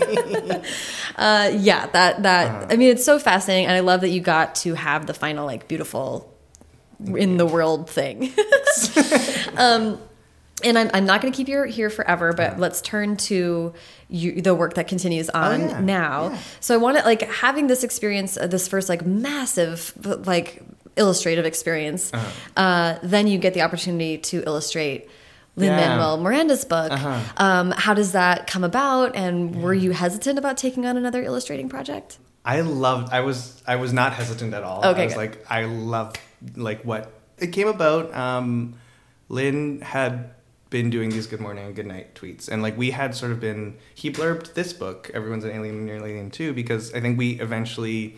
I'd followed him forever, like Mm-hmm. since In the Heights, and In the Heights was such a huge kind of like musical theater. Like that was a before and after moment for me of being like, oh, like musical theater can sound like this. Yeah. And I remember when I was in college, actually for the like sketch comedy show that I did, in like the year that I directed the show, I wrote like two or three musical numbers that were in the Heights numbers. Like the way that the sketch show worked is it's mainly sketches and then there's musical numbers where you take existing things and just rewrite the lyrics Oh, and then ah, I you love like that. choreograph and perform them. So I think I think we did yeah, we did two in the Heights numbers for that show and it was such a world-changing piece of art for me. And mm-hmm. so I had followed him from that point, which must have been like 2010 mm-hmm. or 2011 or whenever In the Heights kind of came out, the mm-hmm. recording came out, the Broadway cast recording. And so I'd fallen for a while. And then I think as I was on Twitter more and more, eventually at some point he had seen me and had mm-hmm. followed me. And so like we were friends or mm-hmm. like friendly online. And mm-hmm. we just kept that up, I think. I love it. And then it was one of many sort of like strangely organic online friendships that Mm-hmm. I think we don't talk about enough either of like just the idea that you can have real friendships born from online spaces, Absolutely. which is so cool. And so at some point he started doing these good morning, good night tweets and I really loved them and I thought they were doing a lot of like it was like that counter programming thing you were talking about of like oh this is like a really this like grounds a lot of people Mm-hmm. and is very helpful for a lot of people. And he started, I think people started asking him to do a book Mm-hmm. of them. And he had tweeted, like, is this a good idea? Should I do this? And I had kind of just done this book and Mm-hmm. I messaged him and I was like, here are all my thoughts, Yeah. basically. Like, here are the things that I would avoid doing. Mm-hmm. Here's sort of the things that I think would make it really special. And I was. You were this- like, avoid illustrating your own book. And he was like, great. Can you do it? Um, but I think it was like kind of the same kind of. A lot of it was similar in the like, you don't want it to feel like a, a scene on the internet kind of thing, Mm-hmm. and that was sort of. I kind of shared my experiences of trying to avoid that Yeah. and what that meant, and a lot of it for me was eventually like a book is a different object than something that is online. Yeah. And I think if you treat it with like respect as like a physical artifact in a way, and you really treat it as like this special thing, Mm-hmm. I think if you start from that mentality then and move move on with that Mm. or move forward with that, then it changes like what you think of the book as being and what type of project you want to put into this very special physical thing. Mm-hmm. So I think we just started talking about that, and I said like as an offhand, I was like, I think like like for example, I think illustrating it in like a way that feels special Mm-hmm. would be cool. And he and we were talking about that, and he was like, "Oh, I, do you want to illustrate it?" and I was like, "Oh, okay, sure, yeah." Ah, Like I wasn't yeah." fishing, but hey. right, yeah. And I like I legitimately wasn't. I was kind of just like offering advice to my friend of Yeah. being like, find an illustrator maybe because that would be a way to like make it a special thing. Mm-hmm. And so we just started kind of talking, and that's how it came about. And I like love that idea, and I like because I wanted to be an illustrator for such a long time too. Mm-hmm. The idea of like illustrating someone else's words was also like a huge cool thing to do. Yeah. Um, so I was like, and it, and it's Lin, and I love him, and he's the best. And so I and you was, were familiar with these tweets, Yeah, like his whole project of like sort of encouraging self care or self love. right, Yeah. yeah. and like they those tweets meant a lot to me, Mm-hmm. and I think I was like as a fan of his for such a long time, I felt like I knew him in a way, Mm-hmm. and like could, and so like my mission with the book was sort of like to do a sort of like a portrait of Lin. Lin Manuel Miranda in like a hundred different little illustrations where none Oh. of them are actual drawings of him. Right. And so that was sort of like the approach that I tried to do. Right. I was gonna say I, I read that you sort of like wanted to incorporate settings that he ref- refers to a lot and uh, imagery that he Yeah. mentions or Uh-huh. like you know he posts pictures all the time and all that so we kind of get a sense of like what his world looks like through his eyes Right. Yeah. which is very cool Uh-huh. And I took a lot of those like I kind of scoured like for things he had tweeted about. And then we got to talk we had a wonderful woman who like curated his tweets.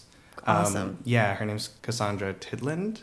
And she's great and she kind of looked she compiled all the tweets and then from there I kind of talked to Lin about each of them Mm-hmm. and got to be like, okay, when you were tweeting this, what were you thinking at the time? Wow. And it was sort of like like this is so funny that we're coming full circle, but it's sort of like how you were saying like when a musician plays like old stuff. yeah Some of those tweets were from like years and years ago, Mhm. and so it was a process of being like, okay, when you wrote this, and he was like that this was on the last day of Hamilton, or the last day where I was playing the character that I Right. wrote this, and so I was like, okay, that is very meaningful in many ways. I think I don't remember the tweet for that, but the illustration for that one became like like the fire escape staircase mm-hmm. um, because I think he was talking about like this was the last day of Hamilton where I was playing Hamilton, and it kind of was about like new beginnings, I Mm. think.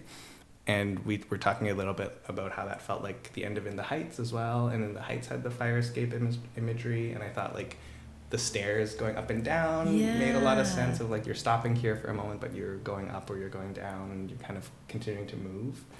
And the way he talks about it, like he's such an artist that like he puts so much thought into each of those. Mhm. Um, and I've gotten to see him like draft a few of them, and he like takes wow it takes a lot of like kind of thought. yeah And so he talked about them with so much kind of reverence and thought that like it made it really easy for me to be like, oh, okay, here's the space he was at. Here's what he was thinking of. Mhm. Here are some images that he was thinking of, and kind of I got to kind of turn all those into little drawings. and how special for him to have someone like a friend who's also really familiar with his work and like bring your own creative like that must have been so cool for him to see how, how you interpreted I, I hope so. Yeah. yeah i love Yeah. that that's so It- special Mhm, yeah, and we had talked about like I think it was it was a very different style from Everyone's an Alien Mm-hmm.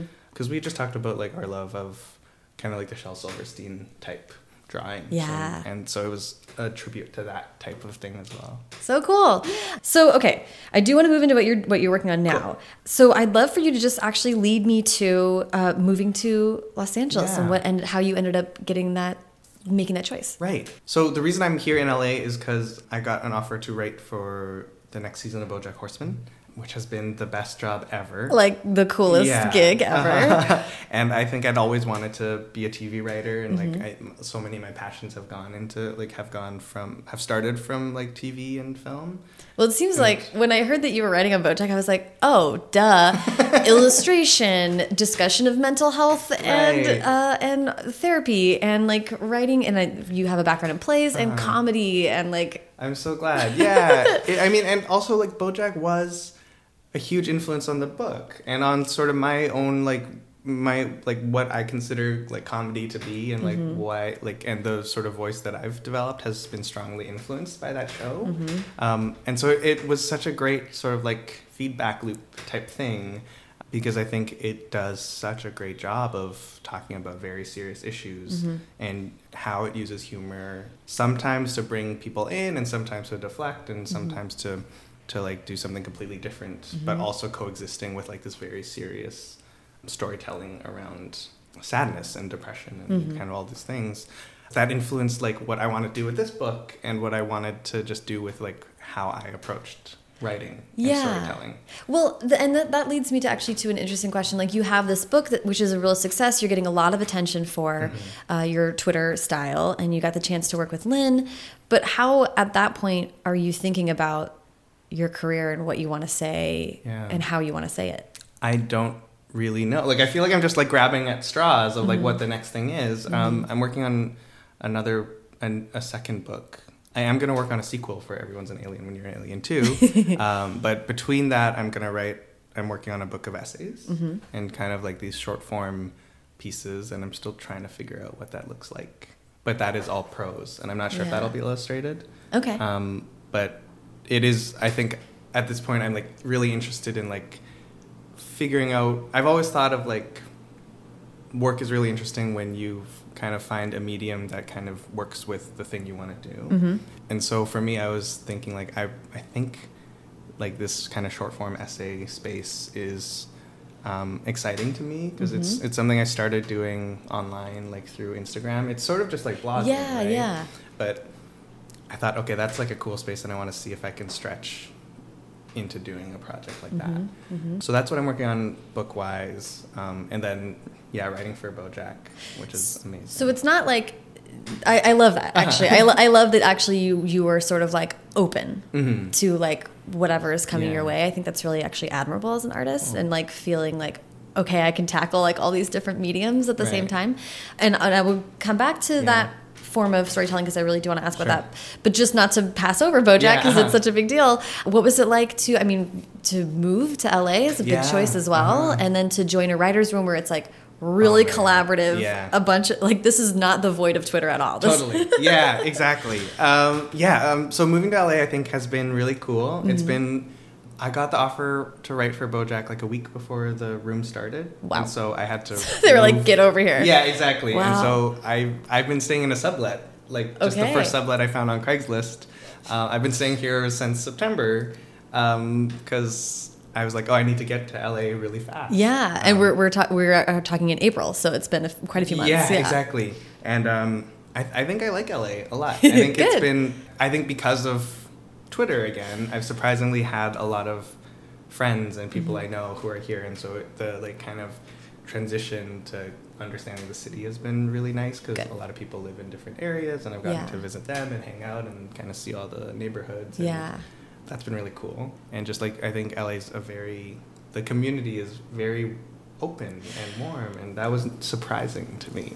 I think because I've been in academic spaces so long, Yeah. and because in like Boston, that kind of experience was like, oh, here's like like an academic studying like these intense human rights things and here's Mhm. another academic doing this work and another academic and it, it feels very like for me it was like i i kind of want to write books and tell stories Mhm. and i felt at odds with Mhm. kind of that and so and and coming here was like such a breath of fresh air because it was like so many people are just writing and Yeah. i know so many writers now and like i used to not know any writers in person and so that's you can't throw a rock in LA without Right, yeah, exactly. hitting a whole bunch of them. Uh-huh. so. So that's that's so warm and Yeah. nice, and it's I think I love that.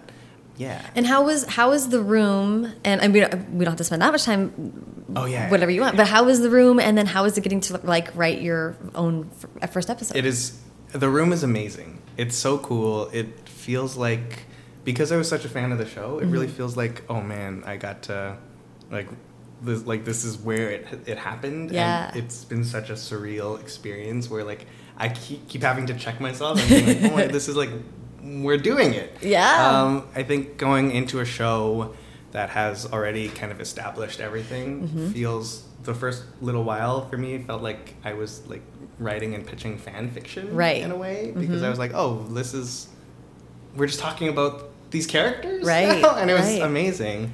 Uh, and the I think the the feeling of being in a writer's room specifically was something that like I had sort of had that because like I'd write with like my sketch friends, and when we did the sketch show together, we'd sort of write together and Mhm. kind of talk about that stuff. But this is like such a cool experience because it is so collaborative Mhm. and it's intensely for me it's intensely like stressful to write by myself because every single thing you put on the page you're like is this right and then i spend like a day thinking of like is that the right thing to say? Is that the right direction to go? And it's such a like internal process. Yeah. and i think with the room it you just externalize all that stuff. And now instead of just like one writer who doesn't know what they're doing you have Mhm. like eight writers who are also thinking about the same like anxieties about the story as you are.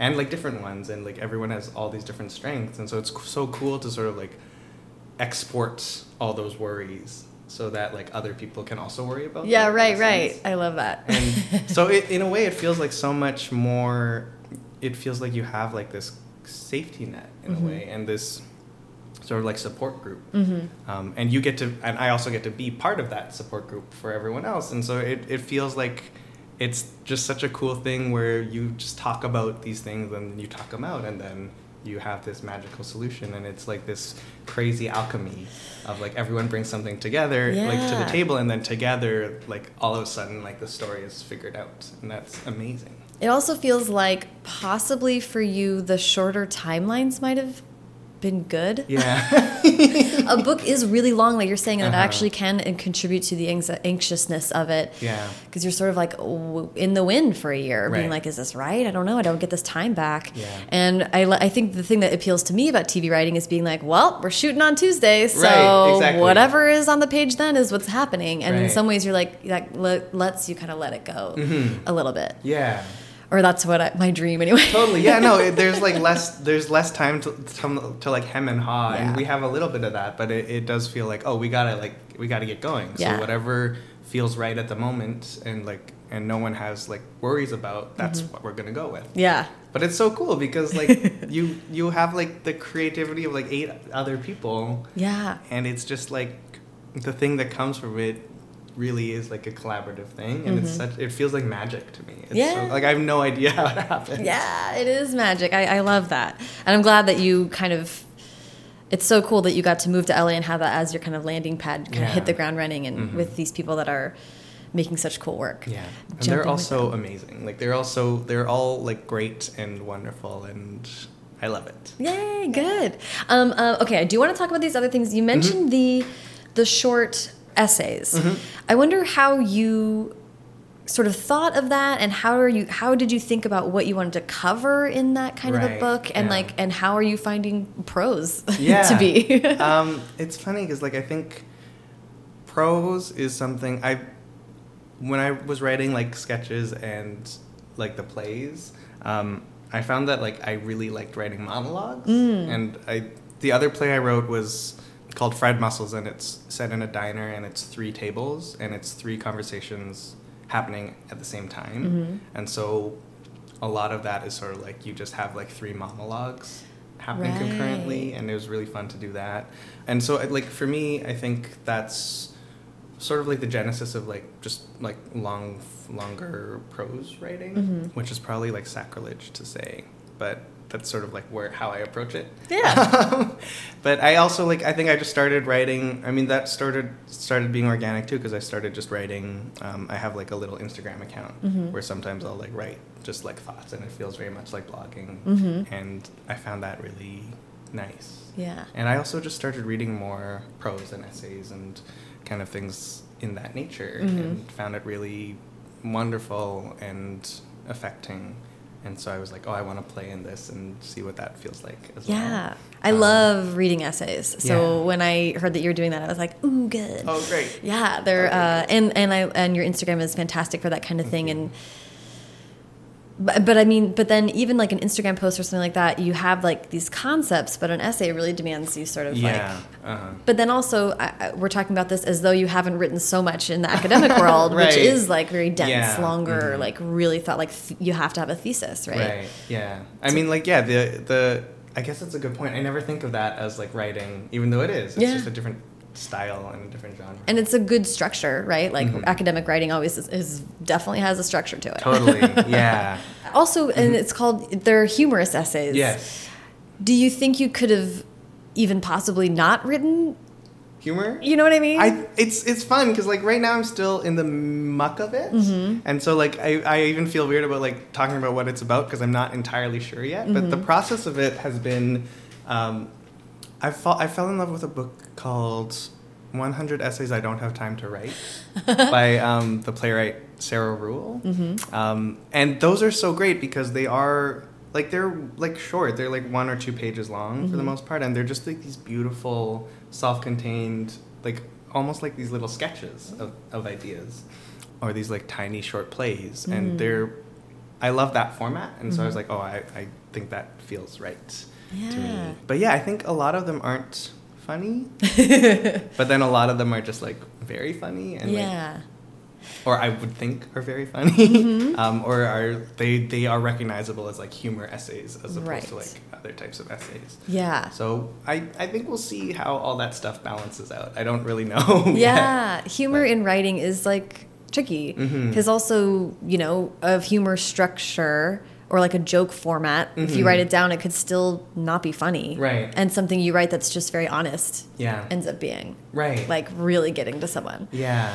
So good. So I don't want to make you talk about stuff that's in progress Uh-huh. too, because I know that's hard. I'll come Um, back and we'll talk about yes, it when it's perfect. Yeah. Perfect. I love that. Then I want to talk about your other. You are doing a sequel to Alien, which is so interesting to me because we do have kind of an ending for him Mhm. at the end of the first Yeah. book, and I don't know if we care about spoilers with Right. uh, with this or not. But he he um, he learned what he learned, and he's like kind of And moving on. Yeah. So how, where did you pick up thinking like, what's next for our guy? I don't know yet. like, I think that's that's sort of why I was like, oh, I want to do a sequel, but I also want to do this essays book because I didn't, I don't really, I haven't figured out where Yeah. the next thing is gonna be yet, Mhm. and so I think like having that time off from thinking about this, Yeah. is nice. Yeah.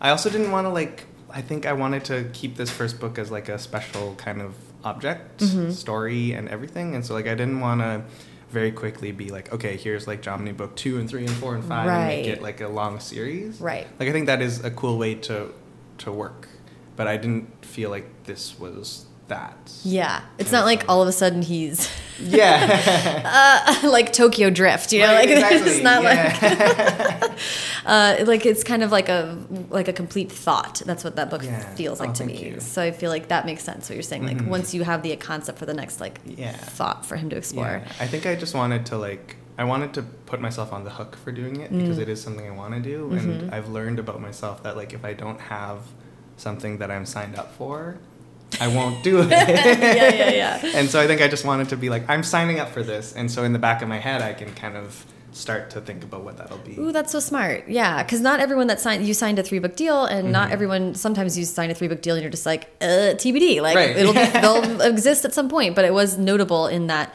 announcement that you were like, these are the books. Right. Like they will happen. Uh-huh. and it's it's nice to have like I think with this book one of the stressful things about it was like oh I did the proposal and then like it was due very like in a year since Yeah. the proposal was accepted and it felt like I have to put all this stuff in and it felt like a short amount of time hmm um, and so I think like just the luxury of getting to think about it in the background for a while Yeah. is really nice. Yeah, and grow as a person, right? Yeah. Because what he'll, what you are, Jomny, Uh-huh. Is Jonny. Right. Uh, uh, so what, what his next journey in life will, will inevitably be with what you, how you grow and change, Mhm, which mhm. is the point of it. Um, and then the third one we'll get to um, uh, Tiny Carebot. yeah Do you want to just talk about the origin Sure. of Tiny Carebot and what, what he is? Yeah. And then I'd love to ask about how he's going to be a book. Sure. Yeah. Uh, Tiny CareBot is so when we're talking about the um, the election in 2016, Mhm. I found myself um, just being glued to Twitter and like not being able to stop the endless scroll thing. And I Mhm. like it was like that, and then also like the outpouring of like other voices of like how this election was going to affect their lives and it was just like a lot Mm-hmm. and part of that was like i realized like i wouldn't if i had like my phone on me then like I- there were days where i like after the election where i was just in bed Mm-hmm. and like couldn't really m- bring myself to do anything Mm-hmm. and so i like made this little bot to show up like in my feed like so i just like i made it for myself because i was like okay i need like this might sound silly but it wasn't silly to me and it isn't silly to me and um i just needed like a little poke to be like here is something really easy that you can do that you have to put your phone away for so Mhm. it was just stuff like open a window or like like take a walk or like just like get a drink of water even um, just like stuff like that was it's intentionally supposed to be like these small really doable things Mhm. just so and it started working where like i would follow it and i'd see like a little thing that i had to do and i'd be like okay i'm gonna like listen to that thing and put my phone down and that was enough to break the spell That's amazing. um, yeah and i and so i started i was following it and then i thought like okay maybe i'll just share it with people because i thought it was neat and Yeah. i thought it was helpful for me and then i think a lot of people really found it helpful for them and i think it was like i think everyone was going through that similar feeling at that time Mhm. and so i think it, it was sort of born from that like nation national kind of funk you know yeah, like this huge psychic wound yeah was created. uh-huh. And so I'm really happy that it was just like this one little small thing that made a small difference. yeah. Yeah. Cool. Yeah. So how does this little I keep calling it a little guy, but it's Uh, a, a little it. How does yeah. how does little carebot become a book? I'm not entirely sure. I think like I'm very aware that self-care has now turned into like a thing that helps companies sell products. Right. And I hate that. Mhm. And it feels very gross. Mhm. And I think I'm also aware of like the conversation of like people conflating self-care to like solving depression, for example. Like Yeah. I think self-care is one small piece of it. Mhm. So it, it's a very like I think complex, nuanced conversation. Mhm. And I think I like have always thought of like the tiny care bot as being like one really really tiny piece Yeah. Of that. Well, I love how you described it as breaking the spell. Yeah. It's just a little a little like, oh, Mhm. yeah. like i'm like i don't believe that like getting a drink of water is going to solve someone's depression and i like it's it's very strange to like see how that stuff gets conflated online Yeah. Yeah. and so for me i'm like i'm trying to be mindful of like making sure that even in like the the way it looks as an object is Mhm. like a small thing and not like this like big health self-help book Right. um, and i want it to be like this little thing like i, I want it physically to be a very small thing When I was a kid, there were little like pocket books. Uh-huh. I remember getting it like at little at novelty stores. Or, oh my god, yes, totally. And they had the little thread marks or whatever, Mm-hmm. uh, thread bookmarks. I like, and I remembered like like cherishing some of these little ones Yeah. so much. So I would like I, I love that you're messing with format too. That's Right. really cool. Thanks. Um, and so I think like I'm I'm trying to think of that more like as, as an object, and I Mhm. don't really know what is going in it Mhm. yet, but yeah, that's sort of like where my thinking is. Ooh. I like that. Yeah, I don't I, I don't think like I don't want it to be like like a sort of self helpy type type book that is Mhm. gonna like solve all the problems. Right. Um, Yeah, it almost feel, feels like those um, party game things where you draw a card or whatever. Uh-huh. Like, you know, there's some element of like trying to reenact the randomness of the bot. yeah. In some way? Yeah, and I think there is something about like how like fun that is, right? Mhm. Like it, it's uh, e- it's easy and fun by Mhm. design. And I Yeah. think there's there's something cool about that. Yeah. So let's talk about um, being a multidisciplinary person. Uh-huh. I'm like the let's see, like what did I write down? I am obsessed with this because I feel very compelled to do everything at the same time. Uh-huh. Like that's a phrase that runs through my mind a lot. I'm just like, well, the answer is you do have to do it all at the same time. Right, yeah. Um, and that feels empowering at the same time that it's overwhelming Right. there's like not enough hyphens even to Uh-huh. describe all the things that you that you do now and have done in uh-huh. your life. Like you're still a PhD candidate. Yes. I like I feel like a lot of it has been like trying to dodge any label. Yeah, of. yeah, yeah. Which I, which you've done because I was like I can't I don't even know how to describe Great. you. You're just a creator. Um, so, but what does it mean to you to be multidisciplinary, Mhm. and how have you compartmentalized like your interests? Yeah. I think as much as possible I've been trying to like approach everything with like this understanding of like the more sort of pools you can draw from, Mm-hmm. the more it sort of will enrich the stuff that you make. Mm-hmm. And I think like consciously, I like with everyone's an alien when you're an alien too. We talked a lot about like how like the PhD work and Mhm. the academic stuff kind of went into it in like a very kind of sideways way. Mm-hmm. But I think like having that, knowing what that conversation is, is something that I could draw from Mhm. to like to work on this book and Mhm. kind of like, I think so. I think like there's a fun in having like a wide kind of array of interests and different things that you've done Mhm. because it's just more things to draw from, I guess. Yeah. And I think like each person is so interesting in like the amount of interest that they have. And I think that's like one of the things that makes each voice and each person unique is like, oh, it's it's wild that they're interested in like this thing, but also way over here they're also interested in this. And Mhm. like even if you don't explicitly bring those two together, both of those things feed into whatever it is that you want to talk about and whatever that voice They is. inform one another. Yeah. Or they add specificity to you talking about something unrelated, right? Uh-huh. Um, that's the joy of improv is like Totally. honestly the funniest stuff is not like a joke it's like when someone's someone's reference will Uh-huh. be so bizarre Right. to the audience but it's like well that's it's on the top of their mind Right, because that's an interest they have and it's and like that um, is th- those are the most fun silly moments Totally.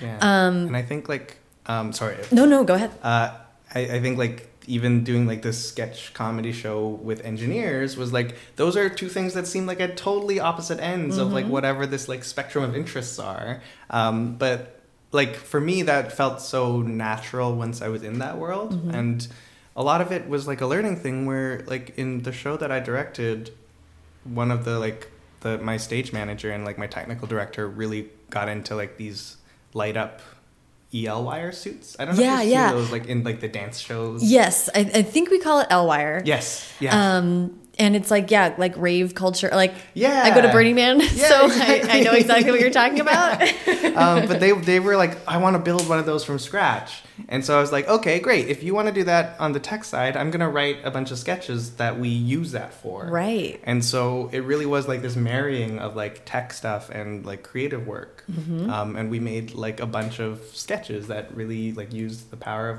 of that. And we did a lot of kind of sketches for that show in darkness where people would light up and like there were like fight scenes and dance numbers. And it was just like a, a really like, for me, I was like, oh, if we didn't have engineers working on this, we would have never gotten to this stage. right And so I think for me, like that's always been exciting. And yeah then when I was working on like the plays at Yale, I think like just the idea of thinking about of like thinking architecturally and thinking Mm. about what space is hmm um, informed a lot of like the plays and the scenes that I wrote there.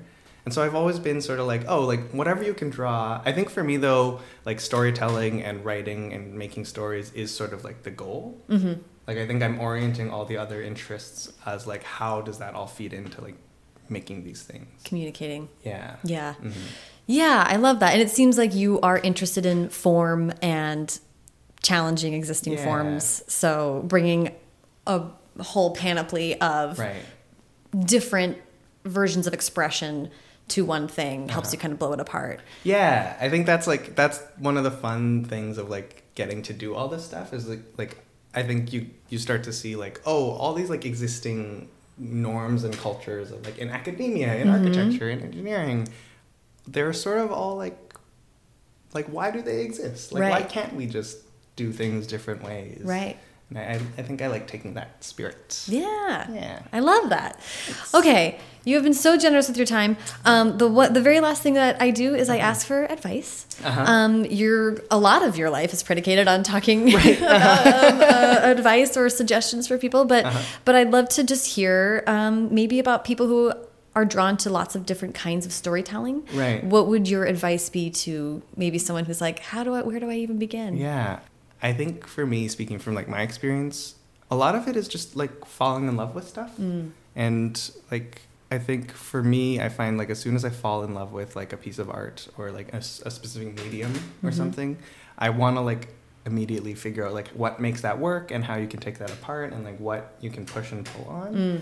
And it all like for me, I think everything that I care about doing hasn't come from like a point of like, oh, this is an idea that will sell well, Mm. or like this is an idea that I should write because because there's like a market for it. Mm-hmm. It's sort of it's it's sort of always been like, oh man, I like I like this idea of like an illustrated book, and Mm-hmm. like how do you push and pull that in ways that just make me excited to do it. Yeah. So I think for like I think my advice is sort of like f- like the thing whatever the things are that you are in love with and that make you tick, um, just like look inward and and try to really like understand like why you love them because Mm-hmm. the ch- chances are like the reasons you love them are the reasons that other people love them as well or you can convey like why you love them to other people Mm-hmm. and that's the most like personal specific universal thing Yeah. and as soon as you sort of figure out like the thing that makes you love it you just start to work out from that and sometimes that doesn't turn into something Mm-hmm.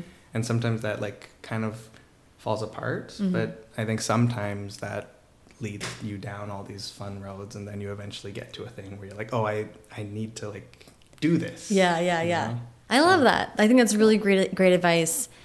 And I think you can always tell as a consumer when you are watching something that was created from a place of love yeah as opposed to for money Yeah. or for whatever else. I think there's like a there's like the beating heart of something is what makes people really compelled and drawn to a lot of Mm-hmm. different works of art. yeah Um, oh my gosh, thank you so Oh, much. oh, this yeah. was the most fun interview. Um, thank you for being so generous with your time. thank you for having me And let's talk again when you have more stuff. i would love that Yay! Yeah, Okay, that thank you so great. much, thank you so much Sarah.